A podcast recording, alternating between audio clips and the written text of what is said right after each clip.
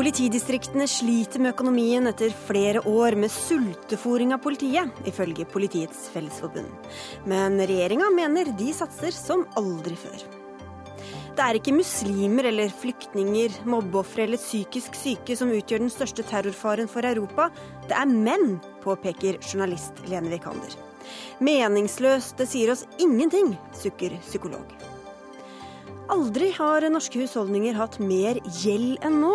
En utvikling som Norges Bank og andre eksperter stadig advarer mot. Men gjeldsnivået er ikke uforsvarlig høyt, mener sjeføkonom. Og sportskommentator jubler for at publikum buer mot tidligere dopingdømte idrettsutøvere. Men en idrettsprofessor advarer mot utviklinga, kaller det gapestokkmentalitet.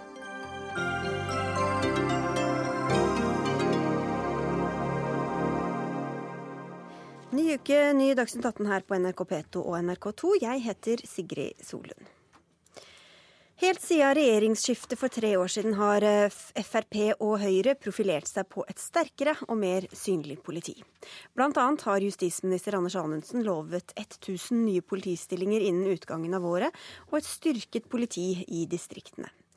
Likevel kritiserer dere nå regjeringa for å ikke prioritere distriktene, og klager over for dårlig økonomi i forbunds nestleder i Politiets Fellesforbund, Unn Alma Skatvold. Hvordan kan dette stemme, når regjeringa har sørga for 3 milliarder kroner ekstra til politiet? Tilbakemeldingene vi får fra tillitsvalgte over hele, hele, landet, også fra politimestere og ledelse, er at uh, situasjonen ute i politidistriktene nå er svært, svært vanskelig. Uh, det er flere distrikt som vi får melding om som har innført ansettelsesstopp på annet enn det som er øremerka stillinger. Uh, og det gjør at de sliter med å få en polititjeneste til å gå rundt, som både skal svare opp det som publikum har forventning om og krav til. Og så er det riktig som du sier, at det er tilført ekstra midler, og det syns vi er gledelig. Men så så er det sånn at pga. Eh, at det har vært et stort etterslep i norsk politi, sultefòring over mange år, så blir veldig mange av de midlene her eh, beholdt sentralt i Politidirektoratet for å ta tak i eh, utfordringer sentralt, bl.a. f.eks. IKT-system, som det er etterslep på. Og Det gjør at det blir mindre penger ut i distriktene til å rett og slett sørge for en god nok polititjeneste. Ja, hvordan går dette utover folk, eller publikum, da, som du kaller det? Det gjør at man har vanskeligheter med å få en polititjeneste til å, å, gå rundt på en tilfredsstillende måte. og Det har vi jo sett flere eksempler fra i media den siste tida, bl.a. i forhold til hvem som kommer først til ulykkesåsted hvor brannvesenet kommer mye før politi, eh, og har egentlig løst eh, halvveis oppdraget før politiet rekker å komme. Mm.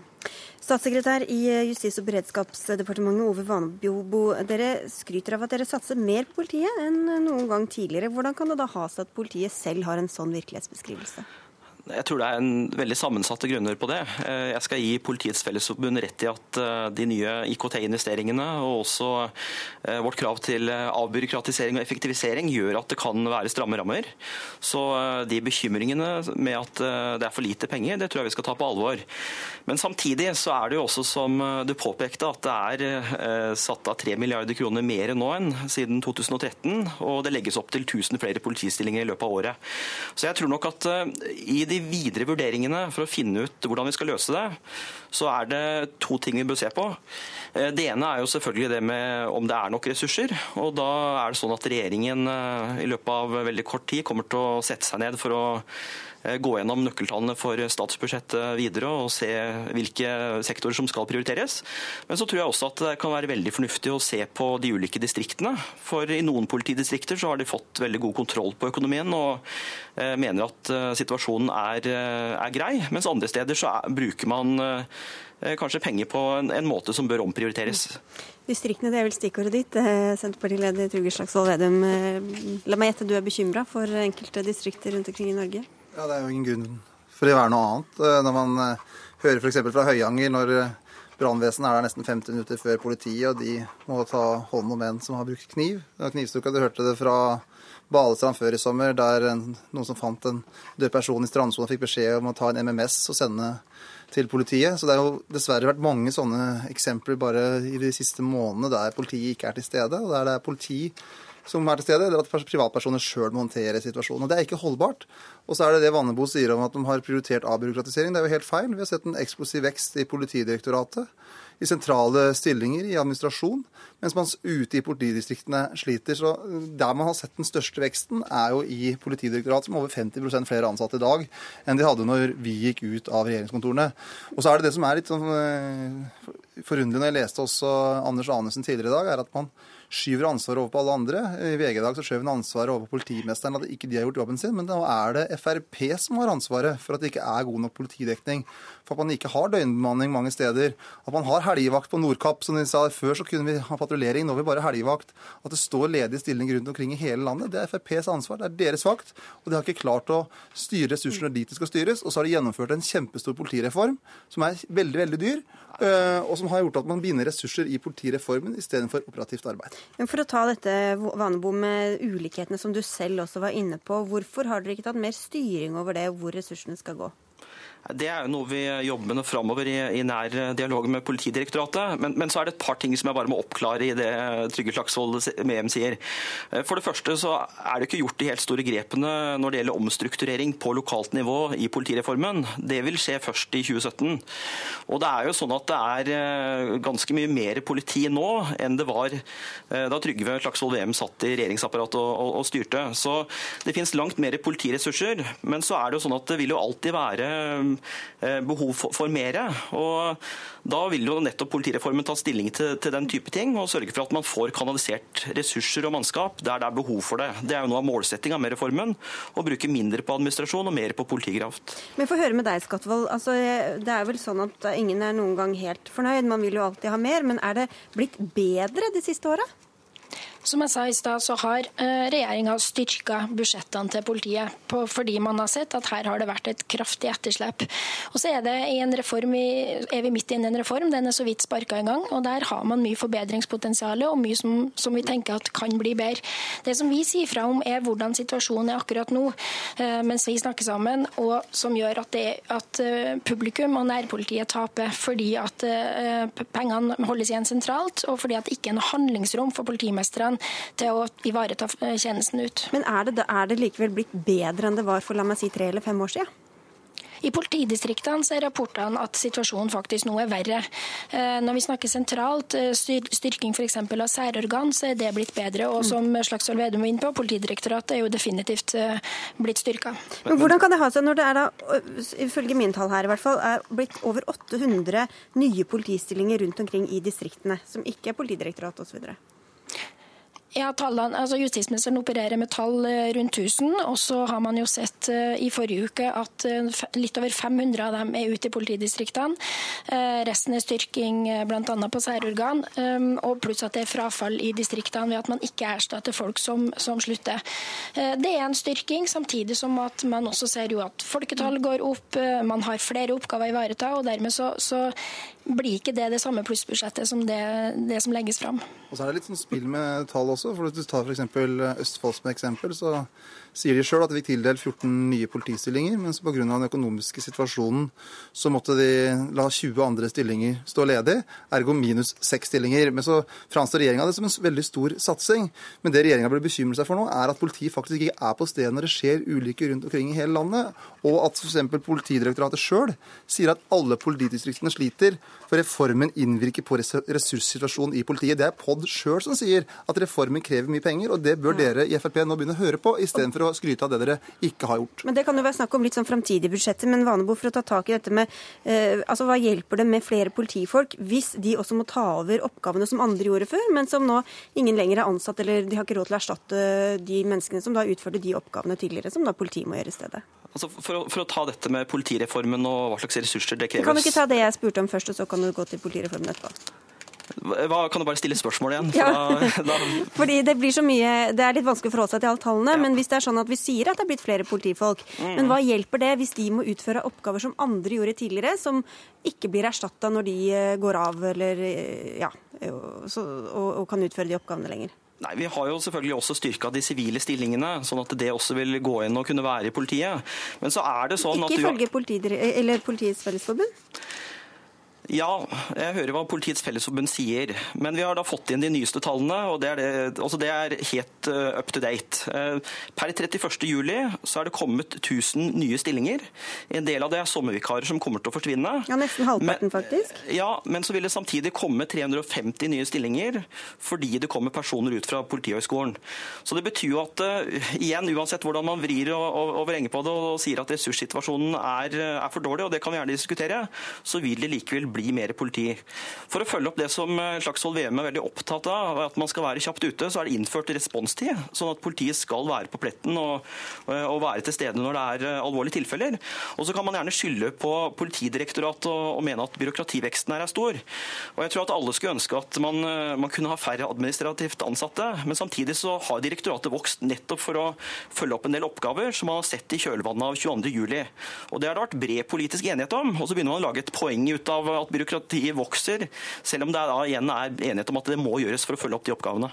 Altså, der tror jeg Frp sitter litt i glasshus. For at uh, dere kritiserte jo veksten i, i, i byråkratiet når dere uh, var i opposisjon. Men, nå, men, men etter at dere men, ja, Nå er det deres tur til å gjøre det, da, selv om dere har vært med jo, på det. Men, men poenget er at etterpå har det eksplodert. Altså Det er jo 50 flere byråkrater. Men, men, er dere uenige i at, de, at de ressursene skal Bare la meg stille et spørsmål her. Er dere uenige i at de ressursene skal gå til Politidirektoratet? Ja, vi er uenige i det. For vi mener at hele den reformen de har lagt opp til med fra 27 til 12 politidistrikt, er en måte å sentralisere politiet på, og som gjør at man får mye mer administrative utfordringer, som skaper mer byråkrati mer papirflyttere og mindre operativt politiarbeid. Derfor har vi vært imot politireformen hele tida, for vi mener at den har hatt feil medisin på de mm. utfordringene vi står overfor i norsk politi. Men så sier også Politiets Fellesforbund at uh, grunnen til at det er så dårlig stilt nå, er jo at det er så stort etterslep, og, på, og at det er fortsatt mye å fylle etter bl.a. den regjeringa som du satt i. Hvorfor gjorde ikke dere mer for politiet da? Selvfølgelig skulle vi alltid gjort mer. Ja. Altså, blant annet det man gjorde med altså, for økt utdanningen, kapasiteten, få ut flere politistudenter var helt rett. Det man gjorde på fengselskapasitet var helt rett.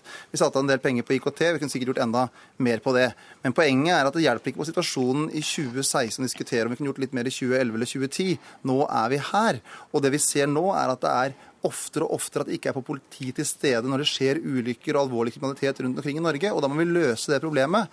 For det er statens viktigste oppgave at vi har politi til stede når folks liv og helse er i fare, og det er det ikke nå.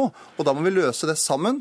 Og så er det feil medisin å sentralisere så mye som dagens regjering gjør, for vi trenger politi også der hvor få folk. Så, så vi trenger det i Oslo sentrum, vi trenger det i hele landet. Og det er noe av problemet nå. at Folk kan ikke stole på at politi er til stede, spesielt på helg mange steder rundt omkring i hele Norge. Få en Skattvold også her da, på å fortelle om dette gapet. Ja, men eh, han er, eh, Beskrivelsen hans er helt riktig. Det er det vi får beskjed om. Eh, man klarer ikke å være til stede der man skulle vært til enhver tid. Og så syns jeg det er synd hvis debatten sporer av til på hvem som har mest feil og rett, og hvem gjorde mest feil bakover. Det vi må konsentrere oss om, er hvem og hva som skal rette opp i det. Jeg har sagt at over mange år har det vært et etterslep, og dermed så har det vært det som vi kaller en politisk kollektiv forsømmelse over mange år. Derfor er det viktig at man heller tar tak i hva gjør vi videre fremover, uten å drive og kaste bakover hele tida. Og da gjør vi det helt på tampen her. Hva mener dere til? Hva skulle du ønske? Hva er ønskelista di til Vanebo som sitter ved siden av deg i Arendal? Min ønskeliste er at politidistriktene får et større handlingsrom enn det de har i dag, og dermed kunne utføre en bedre polititjeneste. Det er minst like viktig og enda viktigere enn den styrkinga som skjer på andre prioriterte områder. Mer penger, og det tar du vel med deg inn i budsjettarbeidet, vil jeg tro, ved Vanebo? Ja, altså det, det, som er helt sikkert er at det kommer flere politistillinger. og De kommer jo naturligvis til å gå bl.a. til distriktene for å sørge for at vi følger opp de responstidkravene som regjeringa har stilt. Vi får sette strek der og si tusen takk til dere alle tre. Statssekretær i Justis- og beredskapsdepartementet Ove Vanebo, Unn Alma Skatvold fra Politiets Fellesforbund og Senterpartileder Trygve Slagsvold Vedum. Dagsnytt 18 alle hverdager klokka 18. På NRK P2 og NRK2.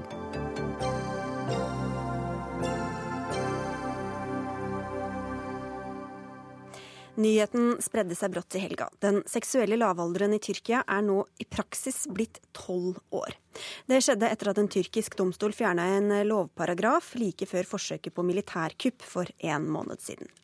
Tidligere har alle seksuelle handlinger med barn under 15 år vært ulovlig. Nå er den altså i praksis satt til tolv år dersom barnet samtykker. Og dette skaper sterke reaksjoner. Morten Myksvold, du er redaktør av eh, tyrkiskpolitikk.no. Tyrkiske myndigheter tilbakeviser at den seksuelle lavalderen er 12 år, de sier den er 18. Men hva er det egentlig som har skjedd her? Den offisielle seksuelle lavalderen er 18 år, men så er det en åpning i den tyrkiske straffeloven eh, som eh, åpner for samtykke når en yngre. Så i praksis så er jo den seksuelle lavalderen i dag 15 år.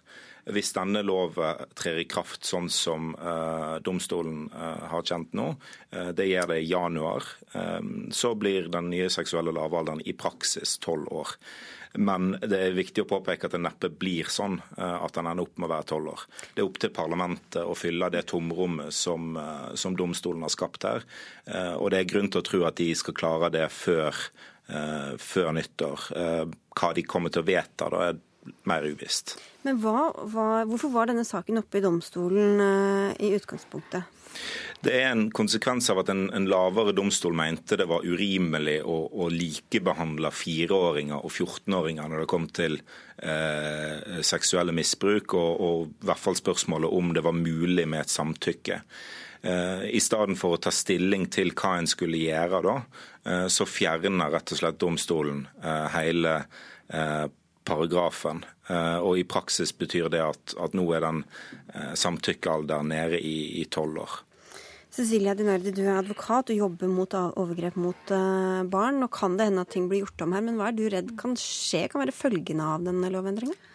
Jeg er eh, dypt bekymret, eh, og det har jeg egentlig vært ganske lenge i forhold til Tyrkia. For det, den utviklingen som har vist seg der, er veldig alvorlig. Og akkurat når det gjelder dette, så tenker jo jeg at at det er en fare for at eh, dersom det skulle blitt eh, aksept for dette gjennom en lovendring, så vil jo det også åpne for at eh, voksne menn, primært det er jo menn, da vil kunne med loven i ryggen kunne forgripe seg på barn, voldta barn. Uh, uten at det straffeforfølges. Hvilke signal sender det, uh, det som er skjedd nå? Dette er jo kjempeforkastelig. Det er ubegripelig at uh, Og dette strekker seg litt utover akkurat denne enkeltsaken og denne enkeltavgjørelsen her. Fordi at jeg har jo tidligere i dag lest og hørt om at det har kommet kritikk om at Tyrkia har jo allerede kritisert det som uttales om denne saken. Men Tyrkia har jo over lang tid og i flere år blitt kritisert for de ekstremt høye tall av eh, barneekteskap. Eh, og det er jo eh, rapporter som er blitt gjort, undersøkelser fra både 2011 og 2013, som avdekker at det er enorme høye tall med barn som giftes bort. Hva vet du om det, altså, eller hva slags reaksjoner har dette skapt i Tyrkia? Først så til hvor omfattende det er, så er det, er det, grunn til å tro at det er veldig omfattende. Um, og Tyrkia har lenge vært rangert som et veldig dårlig land i verden på, når det kommer til kvinners rettigheter og barns rettigheter. Uh, så det er absolutt ikke noe nytt, heller ikke med denne, denne saken her.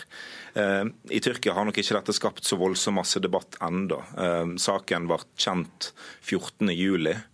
Dagen etterpå forsøkte deler av militæret på å kuppe makt i Tyrkia, og det har måtte tatt oppmerksomheten eh, siden. Eh, så det er grunn til å tro at, det får mer oppmerksomhet igjen nå, nå på høsten, eh, når parlamentet forhåpentligvis skal adressere dette problemet.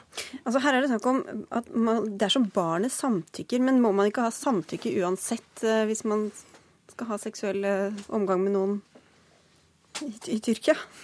Jo, eh, det må en jo. og Derfor er jo den rettsregelen eh, litt rar. At, at eh, ja, hvis du, er, hvis du, er, under 18 år, så lenge det er samtykke. Men, men det må jo være samtykke når en er eldre enn en 18 år òg. Store forskjellen mellom, uh, mellom uh, over 15 år og under 15 år nå vil jo bli at, at under 15 år så risikerer en offentlig påtale. Mm. Mens er en eldre enn 15 år, så, så må en faktisk anmelde for at, at det skal bli etterforska kan bare tilføye i, eh, i, forhold til denne avgjørelsen. Eh, etter det jeg har lest om den, så argumenteres det også der eh, med at større barn har en bedre forståelse av sine seksuelle handlinger. Mm. Det har jo også blitt brukt som en del av argumentasjonen, og etter, som jeg forstår det da, som et forsøk på å legitimere på en måte denne hva skal jeg si, seksualisering ja. og, og, seksuell aktivitet. Eh, at det kan være legitimt da, overfor yngre barn. Ja, Samtidig så argumenterer dommen òg med at Danmark har et skille i hvordan en behandler barn mellom 0 og 12 år og 12 til 15 år. Men det gjelder jo bare på straffesida, ikke når det kommer til samtykke. Så der har jo domstolen misforstått litt. Mm. Men Dinardi, vi hører jo om grusomme overgrep mot barn, og jenter som giftes bort når de er åtte år og ni år. og det, men, men, da er det jo gjerne land lenger bort, for å si det sånn. Hva er, hva er liksom de gjengs synet på seksuell lavalder rundt omkring både i Europa og, og i andre land? Det er jo eh, litt ulikt. Eh, og én ting av den seksuelle lavalderen, og så er det jo dette med eh, den aldersgrensen for å kunne gifte seg, inngå ekteskap. Og det er jo litt varierende det som er viktig å si om det, det er at uavhengig eh, hvilke variasjoner man har om det, så har man jo fortsatt store mørketall mm. i mange av disse landene. Mm. Og det er jo en del land, eh, bl.a. Eh, Bangladesh, Malawi, Zimbabwe, Afghanistan, som har gjort prisverdig innsats med å, å inngå forpliktelser og, og, programmer for å jobbe for å bekjempe altså misbruk av barn og osv. Men hvor man da ser at det er en en, en, utfordring med håndhevingen av de reglene som eventuelt eh, man forsøker å få kodifisert. Hva sier Barnekonvensjonen og andre internasjonale lovkonvensjoner om dette? Både Barnekonvensjonen eh, og andre konvensjoner, kvinnerettighetskonvensjon, diskrimineringskonvensjon, eh, har jo flere artikler som løfter frem og tydeliggjør viktigheten av å sikre beskyttelsen av barn, barns liv, rett til liv og utvikling, til beskyttelse mot vold og overgrep, og som også spesifikt eh, berører også det som gjelder inngåelse av ekteskap. Og um, ulike komiteer komiteen til bl.a. kvinnekonvensjonen, den er også tydelig på viktigheten av å beskytte barn mot dette. Mm, men, men, den har ikke noen aldersgrense for seksuell alder, f.eks.? Nei. Du, Morten Myksvold, ønsker, eller Tyrkia ønsker å komme inn i EU. Kan, kan, dette, kan det være aktuelt å ta opp et EU-land som hvis, hvis, det blir en nedre aldersgrense for tolv år for seksuelt samkvem? Jeg tror det er så mange andre ting som står i veien for et EU-medlemskap. Både vilje i Tyrkia og i, i, Europa. Så jeg tror nok ikke det blir aktuelt. Men dette er jo, dette er jo nok en, et, et, problem for Tyrkia at det blir Uansett om en ender opp med denne lavalderen på tolv år eller ikke, så, så, blir jo bare inntrykket sterkere om at, at Tyrkia er på vei vekk fra, fra Europa. Ehm, men det store bakenforliggende problemet her er jo, er jo, grunnloven, som åpner for dette, som ikke har klar beskyttelse av barn. Ehm, det var kuppgeneraler i 1982 som skrev denne grunnloven og innskrenka eh, grunnleggende rettigheter. Og den, den, grunnloven styrer Tyrkia på fortsatt. Det åpner for sånne, eh, avgjørelse som dette her. Og hvis parlamentet ikke klarer å, å bli enige om en lov, så, så blir det jo eh, tolv års samtykke ifølge loven. Og det det er jo helt absurd. Vi får vente noen måneder og se. Så får vi dere, tusen takk for at dere kom til Dagsnytt 18, Morten Myksvold fra tyrkiskpolitikk.no og advokat Cecilia Dinardi.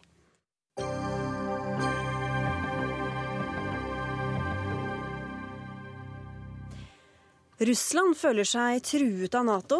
Nei, det gjør stormakten slett ikke. De to forsvarsveteranene, flaggekommandør Jakob Børresen og tidligere forsvarssjef Sverre Disen, er helt uenige om konsekvensene av at Nato tidligere i sommer besluttet å bygge opp styrkene i Nato-land som grenser mot Russland. Fire bataljoner og 4000 soldater skal utplasseres, noe Russland er sterkt kritisk til. Landet mener det er en forskyvning av styrkeforholdet mellom Nato og Russland. Hva russiske myndigheter myndigheter faktisk frykter, skal vi straks komme tilbake til. Men først til selve Nato-vedtaket. Jakob Øresen, du er altså pensjonert eh, flaggekommandør. Og denne debatten har gått både i Klassekampen og i tidsskriftet Minerva i sommer. Først, hvorfor er du så skeptisk til å bygge opp disse styrkene? Isolert sett så er det jo få styrker, og man skulle ikke tro at det hadde noen betydning sånn rent uh, tallmessig. Og, og, de representerer jo på ingen måte noen trussel rent militært sett. Men de er et uttrykk for en konfrontasjonslinje uh, som Nato har valgt å legge seg på vis-à-vis -vis Russland i kjølvannet av uh, anneksjonen av, av, Krim og, og hvordan Russland opptrer i Øst-Ukraina. Mm. Og jeg mener at Eh, det er en uklok politikk, og jeg mener også det er en unødvendig politikk. Fra Natos side er jo eh, formålet ikke først og fremst å avskrekke Russland, men det er å berolige eh, de baltiske land. Og det går det an å ha sympati med. Men jeg tror som sagt at Denne konfrontasjonslinjen det tjener ikke europeisk sikkerhet og stabilitet. Russland er Europas sterkeste militærmakt. Det er en stormakt i vår midte. Det går ingen vei til europeisk sikkerhet og stabilitet uten at Russland er integrert i et slikt system. Og vi kommer ikke dit. Selv om det er et langsiktig mål, så kommer vi ikke dit gjennom denne konfrontasjonspolitikken. Sverre Disen, du er forsker ved Forsvars, Forsvarets forskningsinstitutt nå, og tidligere forsvarssjef. Alt her skiller dere vel lag? Ja, vi gjør for så vidt det. Og dette er jo ikke eksakt vitenskap. Dette dreier seg jo om å tolke eh, skal vi si, eh, stormaktsatferd. Eh, men jeg vil altså da, i motsetning til Børresen, hevde at dette ikke er noen, noe utslag av noen konfrontasjonslinje. Og det er jo altså nettopp, som Børresen også sier, altså 4000 soldater fordelt på fire forskjellige land representerer jo ingen militær provokasjon eller konfrontasjon, nettopp fordi militært sett representerer de altså ingen reell eh, styrke.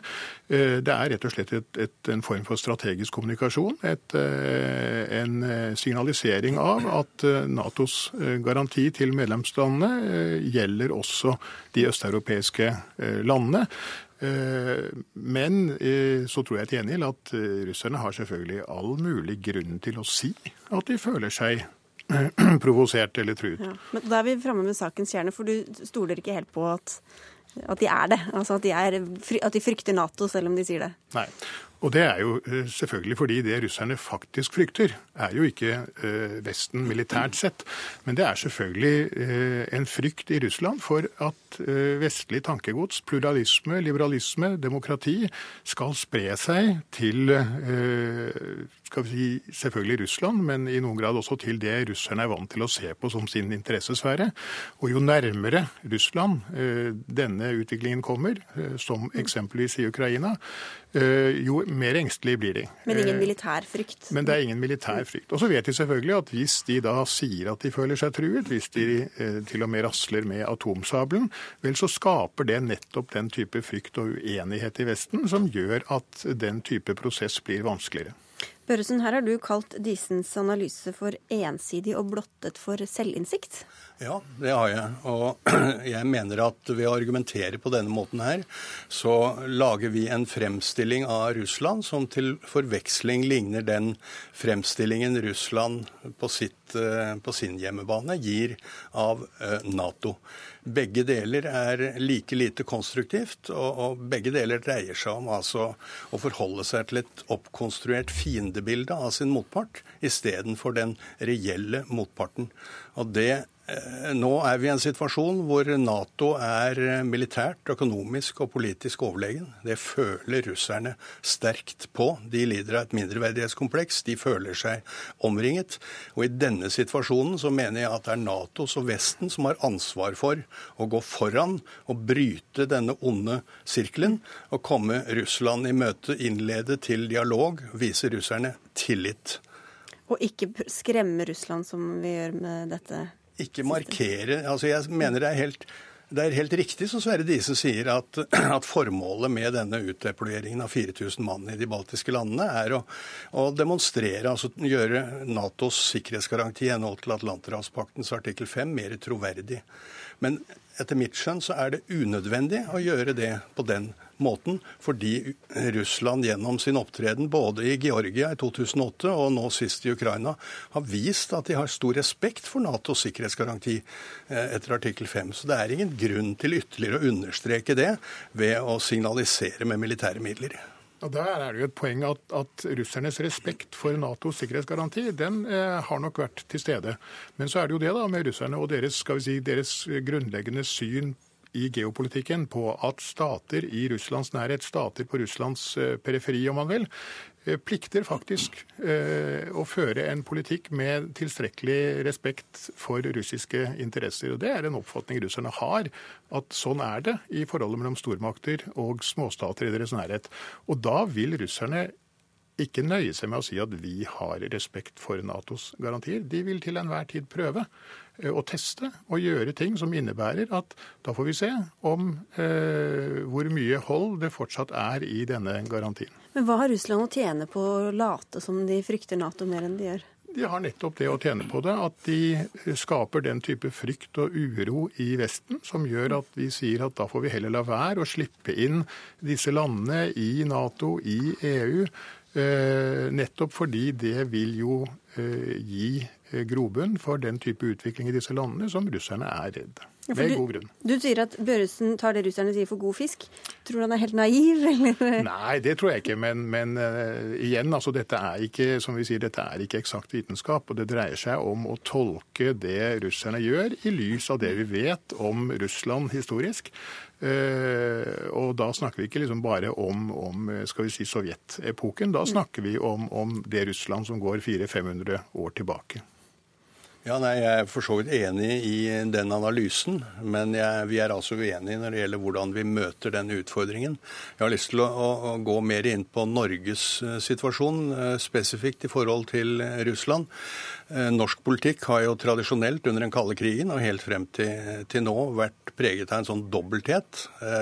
Avskrekking av Russland i den forstand at, at det norske forsvaret skulle ha evne til å, å møte russisk aggresjon på et nivå som gjorde at Moskva måtte forstå at å bruke militærmakt mot Norge var krig med USA. Det var det ikke verdt. Kombinert med beroligelse. Um, beroligelse, sånn at Russland ikke skulle frykte at norsk område skulle bli brukt uh, som grunnlag for aggresjon mot Russland, slik de erfarte i, uh, under annen verdenskrig, da tyskerne angrep Murmansk fra Finnmark. Uh, og denne Dobbeltheten eh, føler jeg nå eh, mangler.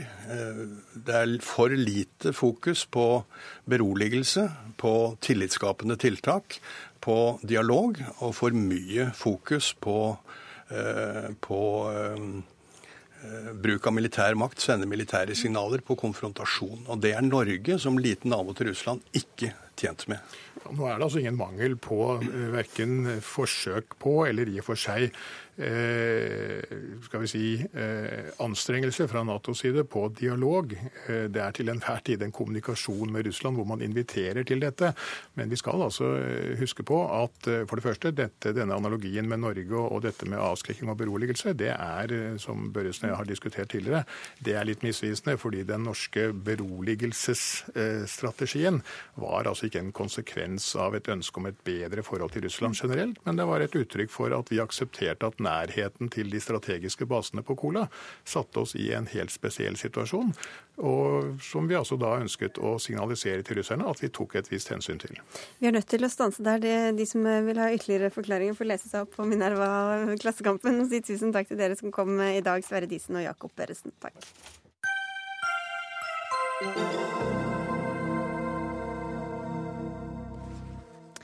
Etter en sommer preget av eh, massedrap utført av eh, sinte unge menn, er det på tide å diskutere kjønnskulturen som skaper dem. Vi er eh, mer enn villige til å se på både etnisitet, politikk og religion for å forklare en slik ekstrem vold, mens kjønn mer eller mindre utelates av samtalen.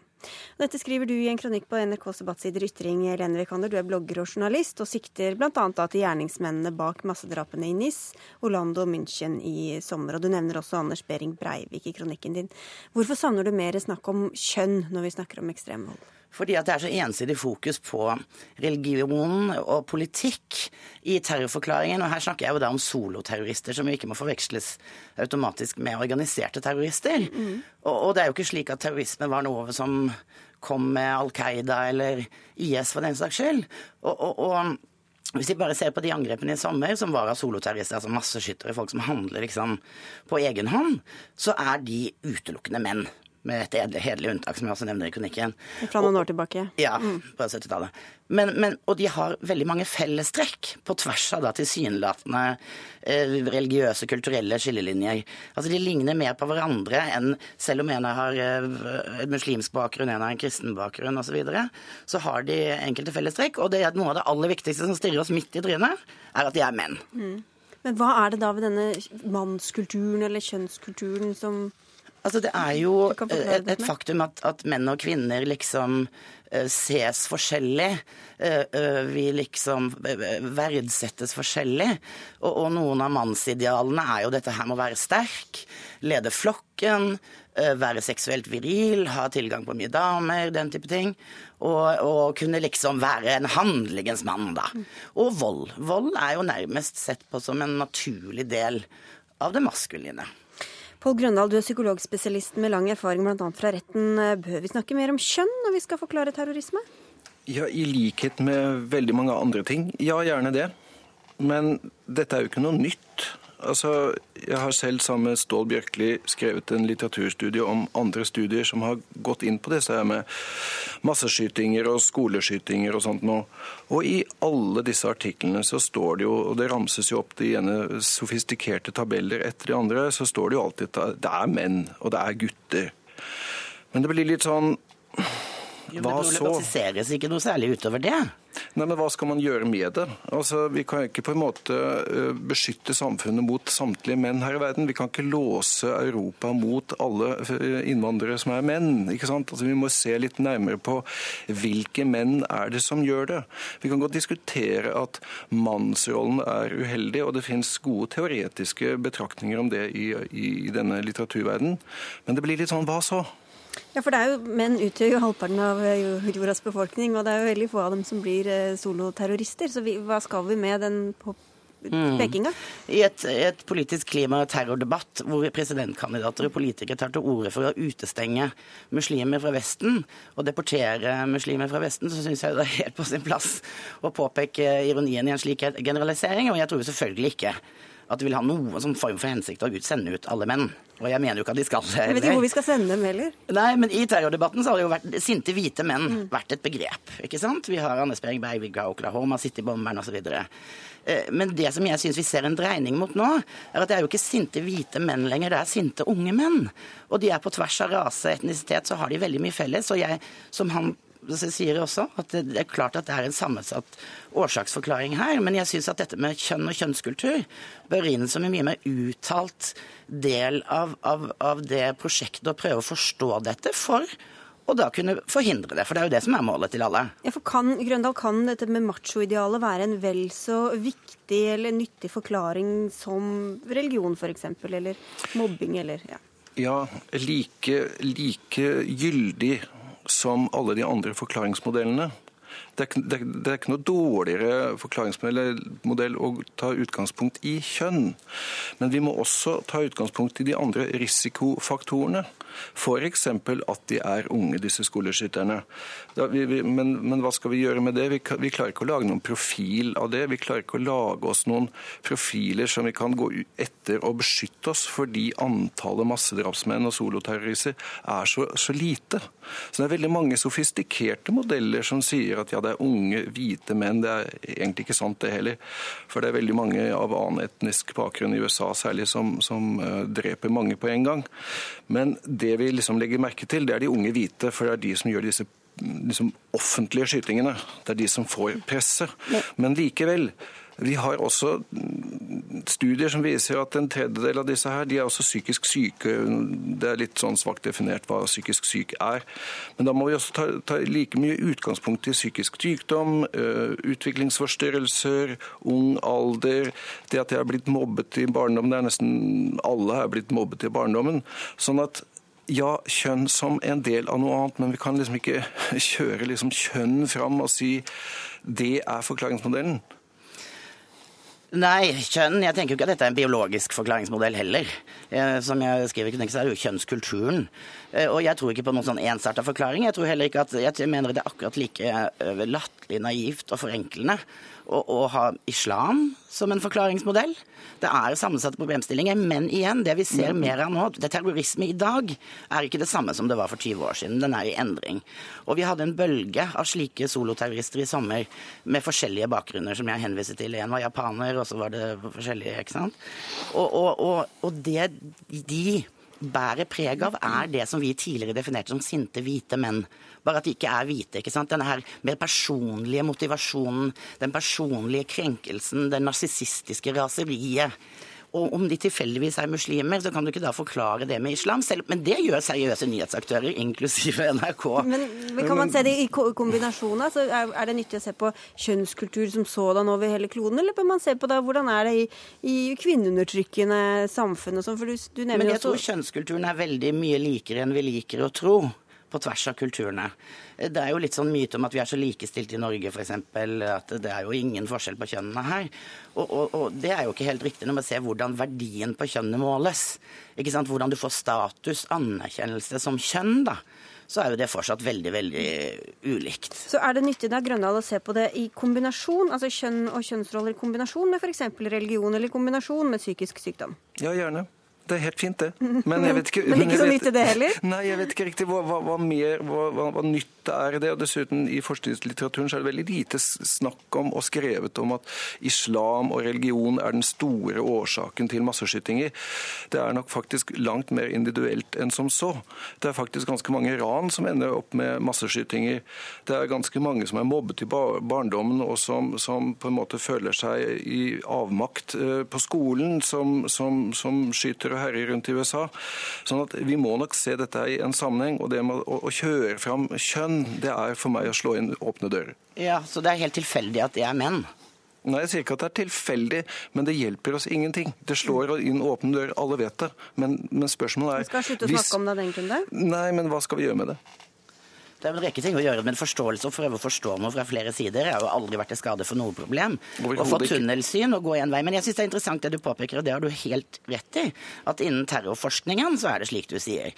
Men den populære terrordebatten, som jeg da henviser til litt ironisk i min kronikk, er det jo et veldig ensidig fokus mot islam. Og du kan jo se kommentarfelt etter kommentarfelt. Og igjen, altså vi har en presidentkandidat i USA som, som er eh, kommentarfeltet på to bein at, at, at det, da er det en legitim årsaksforklaring. Og der syns jeg det er verdt å pirke litt i det. Men også i den seriøse forskningen så er kjønn altfor fraværende. Jeg tror vi kan dere og jeg er helt enige om at det kjønnsbildet som den, den amerikanske presidentkandidaten kjører fram, er svært uheldig på veldig mange måter. Eh, men jeg, jeg tenker at altså, litteraturen, forskningslitteraturen er veldig lite opptatt av islam som en monolittisk Men... forklaringsmodell, og ei heller kjønn, og ei heller psykisk lidelse. Det er veldig populært å lage profiler. Men problemet er at den naturlige forekomsten av massedrapsmenn er så lav at vi klarer det ikke. Så vi må sette sammen flere variabler. Så istedenfor å si liksom at ja, kjønn har vi liksom oversett, vi har nok ikke oversett det, men vi må sette det i sammenheng og si hvem av disse unge maskuline, eller, eller liksom, litt sånn mangelfullt maskulint utrustede mennene er det som øh, holder på med dette? Mangelfullt maskulint utrustet, I rest my case. Vi må avslutte, men du har hissa på deg noen menn i dag, Lene Vikander? Jeg har det. Jeg har fått noen interessante e-mails, for å si det sånn. Du får gå hjem og lese. Takk skal dere ha, begge to, Lene Vikander og Pål Grøndal. Hør Dagsnytt 18 når du vil. Radio NRK.no.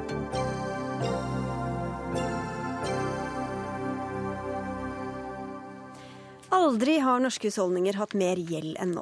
Husholdningenes samlede gjeld er på historisk høye 215% altså har vi over dobbelt så mye i gjeld som vi sitter igjen med i disponibel inntekt etter skatt. Til sammenligning var gjelda bare 50% mer enn inntekten da det gikk skikkelig galt i 1990. Nærmest daglig kan vi lese om eksperter som advarer mot boligboble og farlig vekst i husholdningenes gjeld. Men siden vi tjener mer og renta er så lav, så er gjeldsnivået egentlig ikke så høyt, skriver du i en kronikk i VG i dag. Kjetil Olsen, du er sjeføkonom i Nordea. Hvorfor, når det er historisk høyt, er det likevel ikke så faretruende? Eh, ja, nei, Det er en vanlig argumentasjon at når det er historisk høyt, så må det jo også være for høyt. Men um, hvis man ser litt mer helhetlig på det og ser på inntektsutviklingen og renteutviklingen, eh, så er det faktisk sånn at eh, gjennomsnittsfamilien i Norge aldri har hatt større økonomiske buffere enn det de har nå. Til tross for at gjelda er historisk høy. Så samtidig som vi tar opp lån, så sparer vi?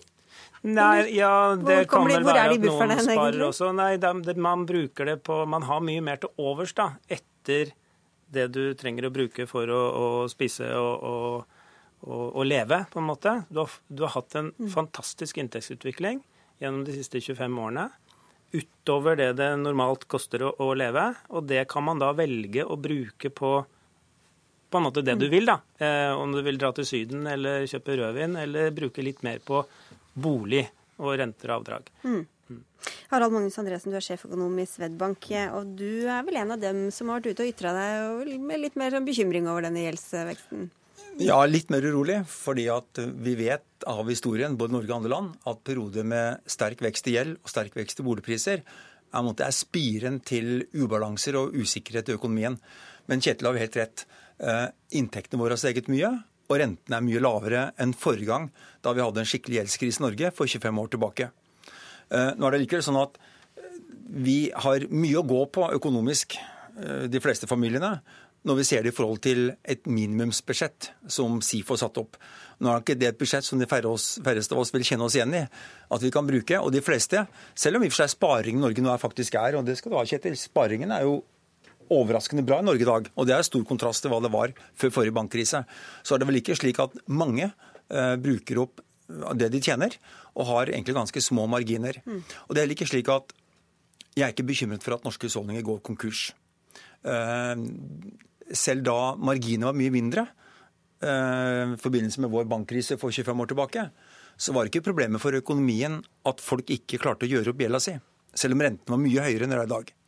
Problemet var at når de ble usikre på økonomien, og i tillegg hadde vi da et rentenivå som den gangen egentlig var altfor høyt, men iallfall var det vi hadde, så for å få det her til å gå i opp, så klarte folk å betale renter og avdrag.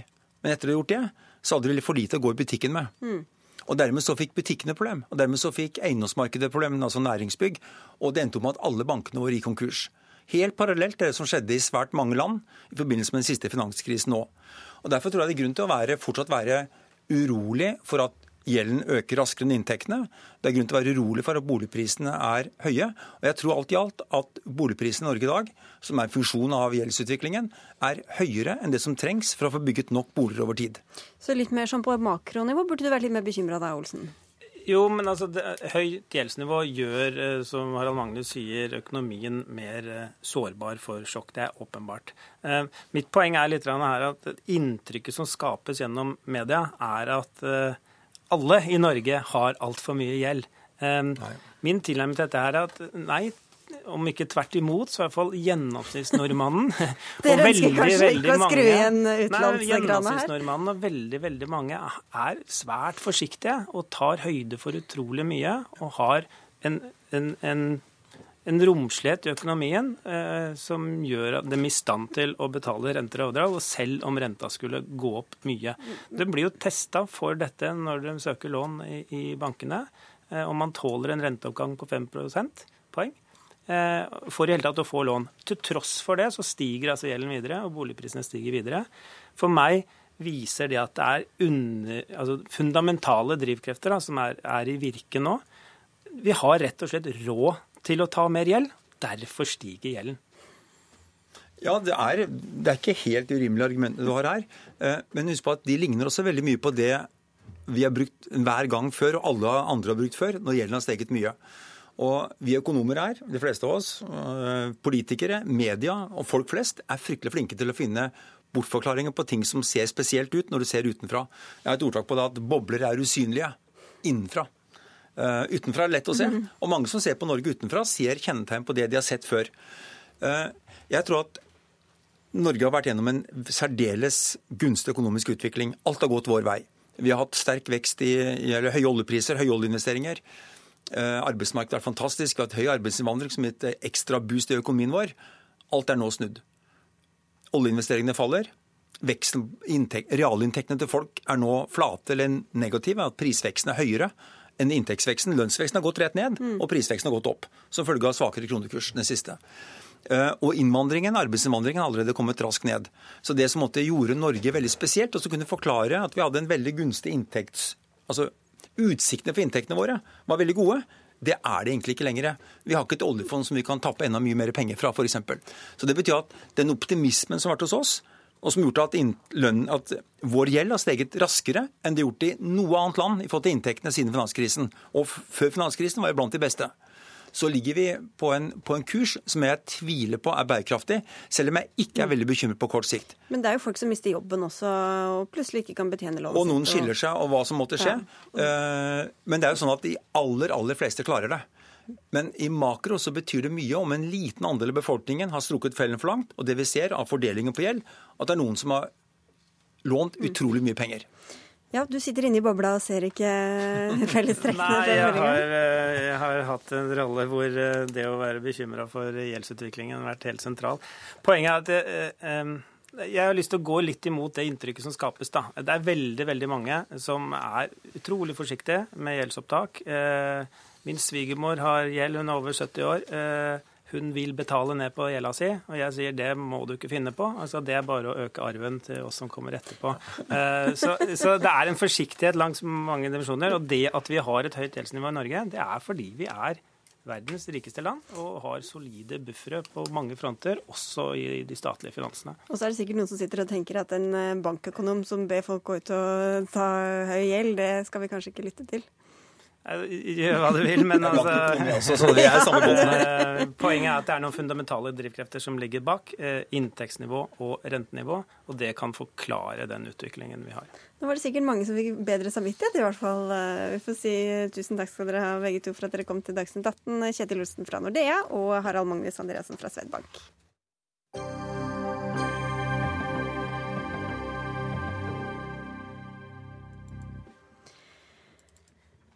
I OL i Rio har både utøvere og publikum gitt uttrykk for hva de mener om at dopingdømte utøvere kommer tilbake. I natt ble den amerikanske sprinteren Justin Gatlin pepet ut av publikum. Gatlin er dømt for doping to ganger, men har konkurrert i flere år etter den siste dommen. Slik skildret vår kommentator Jan Post publikums reaksjon da Gatlin entret banen i natt.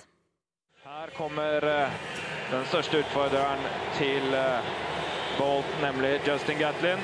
Og det bues vel like mye som det jubles for uh, olympiske mester fra 2004. Han er blitt vant til uh, dette. To dopingdømmer gjør at uh, reaksjonen er slik den er. Han er et sort får i friidretten, og det må han bare leve med. Uh, I was pretty shocked. Uh, didn't expect that, but uh, I really don't know what to say because um, it's the first time I've ever seen this happen. So yeah, I was just shocked. There's no words to really say because I never expected it. Mm. En sjokkert Bolt etter 100-meterfinalen. Esten Aasæter, du er sportskommentator i Dagbladet og en av dem som applauderer publikums reaksjoner i natt. Ja, det høres jo veldig uhøflig ut, da. Eh, og det er ikke tenkt slik, men ja, absolutt. Eh, jeg syns det er eh, veldig viktig at publikum markerer hva de syns om det at dopingdømte har adgang til å konkurrere igjen. Jeg tror det er helt eh, avgjørende at vi kommer ut av den eh, likegyldigheten som har preget eh, oss som publikummere i, i årevis. Det er ikke så mange som internasjonalt har tatt klar avstand fra dette her. Og jeg husker sjøl at jeg skrev om det belgiske sykkelpublikummet som begynte å pipe for, for fire-fem år siden. Og Belgia er et gammelt dopland og et gammelt sykkelland. Og jeg så på det som et vendepunkt for sykkelsporten. At de som er de mest ivrige, sier fra at eh, nå går det ikke an å svindle oss mer. Og jeg føler at det er det som har skjedd nå under eh, Rio-OL. Og det, det, er gledelig. Men er det, er det, gjør det det greit å bue på folk som jeg tror gjør faktisk, sitt beste? Eh, jeg tror faktisk det er en helt grei markering, jeg. Eh, og så får vi prøve å skille mellom mellom det mennesket det treffer, og det systemet det er ment å treffe. Og det, det kan vi gjøre på flere måter. Jostein Helen, du er eh, professor og seksjonsleder ved Avdeling for fysisk prestasjonsevne ved Norges idrettshøgskole. Du var ikke så begeistra for det som skjedde i natt? Nei, jeg syns at idretten som samfunnet for øvrig de har et eh, system som utøvere dømmes etter, og det må vi forholde oss til. Og når de har dømt, og de er blitt dømt, og når de har sonet, så må vi frikjenne Eller da må vi eh, si at det er OK. Da skal de starte på nytt igjen? Ja, det synes jeg. Men så går det selvfølgelig an å diskutere og som er inne på her, om dette er bra nok. Om to års utstengelse er bra nok eller ikke. Men, men det er eh, ikke alle saker som er like svart-hvitt. Og, og, eh, vi må være eh, klar over at folk, og som Esten skriver til, de ser på ting veldig svart-hvitt fordi at eh, journalister ikke skiller mellom veldig grove overtredelser og mindre grove overtredelser. Og til det så må vi da holde oss til systemet. Men hvis vi tar det første først, når man har sona sin dom, hvorfor skal man ikke da få en ny sjanse? Det er en par grunner for det. Eh, det viktigste er at det gjelder å si ifra for miljøet hva er det som er eh, riktig, og at konsekvensene blir deretter. Eh, og så er det all den mistanken som, som, er i disse miljøene. Og vi ser at i flere idretter så har vi ikke klart å rydde opp i det hele tatt. Altså det er et system som er spilt fallitt. Det tror jeg de fleste er, er enige om når du ser på idretten utenfra. I tillegg så har det jo kommet en liten medisinsk mulighet. At eh, det kan være at eh, en del av denne steroidbruken har en langtidseffekt. Det er det ikke noe bevis for ennå, det, det, det skjønner vi. Mm. Men, men, det ligger der som, eh, som, en begrunnelse. Norge brukte det selv som en begrunnelse på forrige WADA-kongress for å få lengre straffer. Så det er både etikk og så er det fysiologi som, som forteller at vi er nødt til å gjøre noe. Og ikke minst så er det altså historien om en ganske mislykket dopingkamp de siste 20 årene.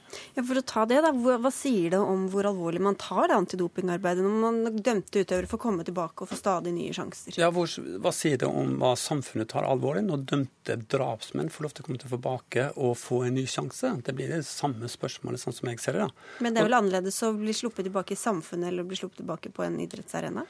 For disse, for disse, utøverne så er idrettsarenaen en stor del av deres samfunn.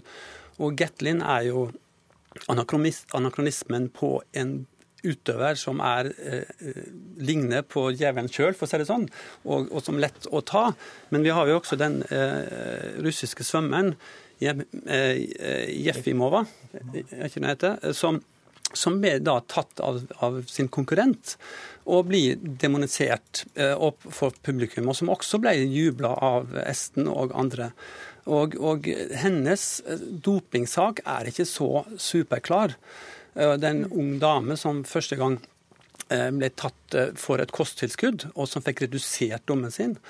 Neste gang så tok hun denne hjertemedisinen som alle leger som akkurat på samme måte som Jonsrud Sundby ble, tils, ble, ble, tilskrevet en viss medisin, så ble hun sagt at denne medisinen bør du ta fordi at det beskytter hjertet ditt mot den harde treninga. Jo, eh, jeg har skrevet akkurat det samme som, som deg, eh, som det du mener om, om den saken. Men, men poenget er at vi kan ikke gå inn i enkeltsaker nå.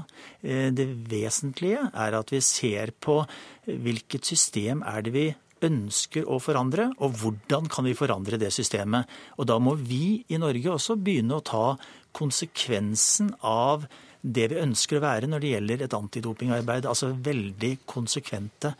Og det har jo manglet. Altså Vi kom jo rett fra et OL hvor vi selv har stilt med, med dopingdømte. Og når vi ikke skjønner at det betyr noe for resten av, av internasjonal idrett, og ikke minst hva det betyr inn i norsk idrett, så er vi på helt ville veier. Men når det er apparatet rundt som kanskje har vel så mye skyld som eh, den enkeltutøveren? Det, det, vil jo variere fra tilfelle til tilfelle. Så, så igjen så, så, må vi, vi må ta med alle sammen, på sett og vis. Og det har man jo begynt om, å gjøre. Om så noen går tapt i sluket, så er det Nei, ikke det, det, vil, det vil være et domssystem som skal prøve å sikre det at ingen går tapt i, i det sluket.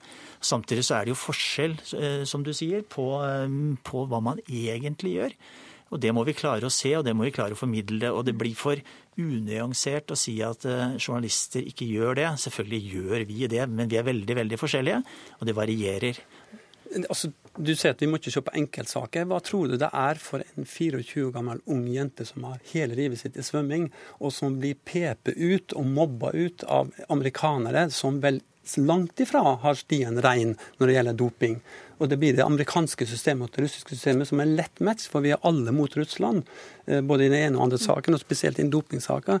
Sånn at eh, hva er det? Det er nettopp å se på enkeltsaker. Det, det du gjør, er å gå på enkeltsaker istedenfor å gå på systemet. Jeg vet at ditt mål er å endre systemet, men du bruker da enkeltsaker og, og, og mobbekultur. Jeg gjør faktisk ikke det i det hele tatt, men jeg er opptatt av at vi skal tørre å, å snakke om dette her, og at det ikke skal være lettere med våre egne problemer enn med andres problemer. Og det har vært det store, store utfordringen for norsk idrett. Å klare å se på seg selv mens vi kritiserer andre. Vi er veldig kjappe til å kritisere andre. Vi rekker ikke mer, dessverre, mine herrer. Vi får si tusen takk for at dere kom til Dagsnytt 18 her på tampen. Esten Sæther fra Dagbladet og Jostein Hallén fra Norges idrettshøgskole. For Dagsnytt 18 er over for i dag. Vi er tilbake i morgen. Da sender vi fra Arendal med Fredrik Solvang bak mikrofonen. I dag var det jeg, Sigrid Solund, som hadde sendinga sammen med Gjermund Jappé, som hadde ansvaret for innholdet i den, og teknisk ansvarlig Lisbeth Sellereite, og vi ønsker en god kveld videre.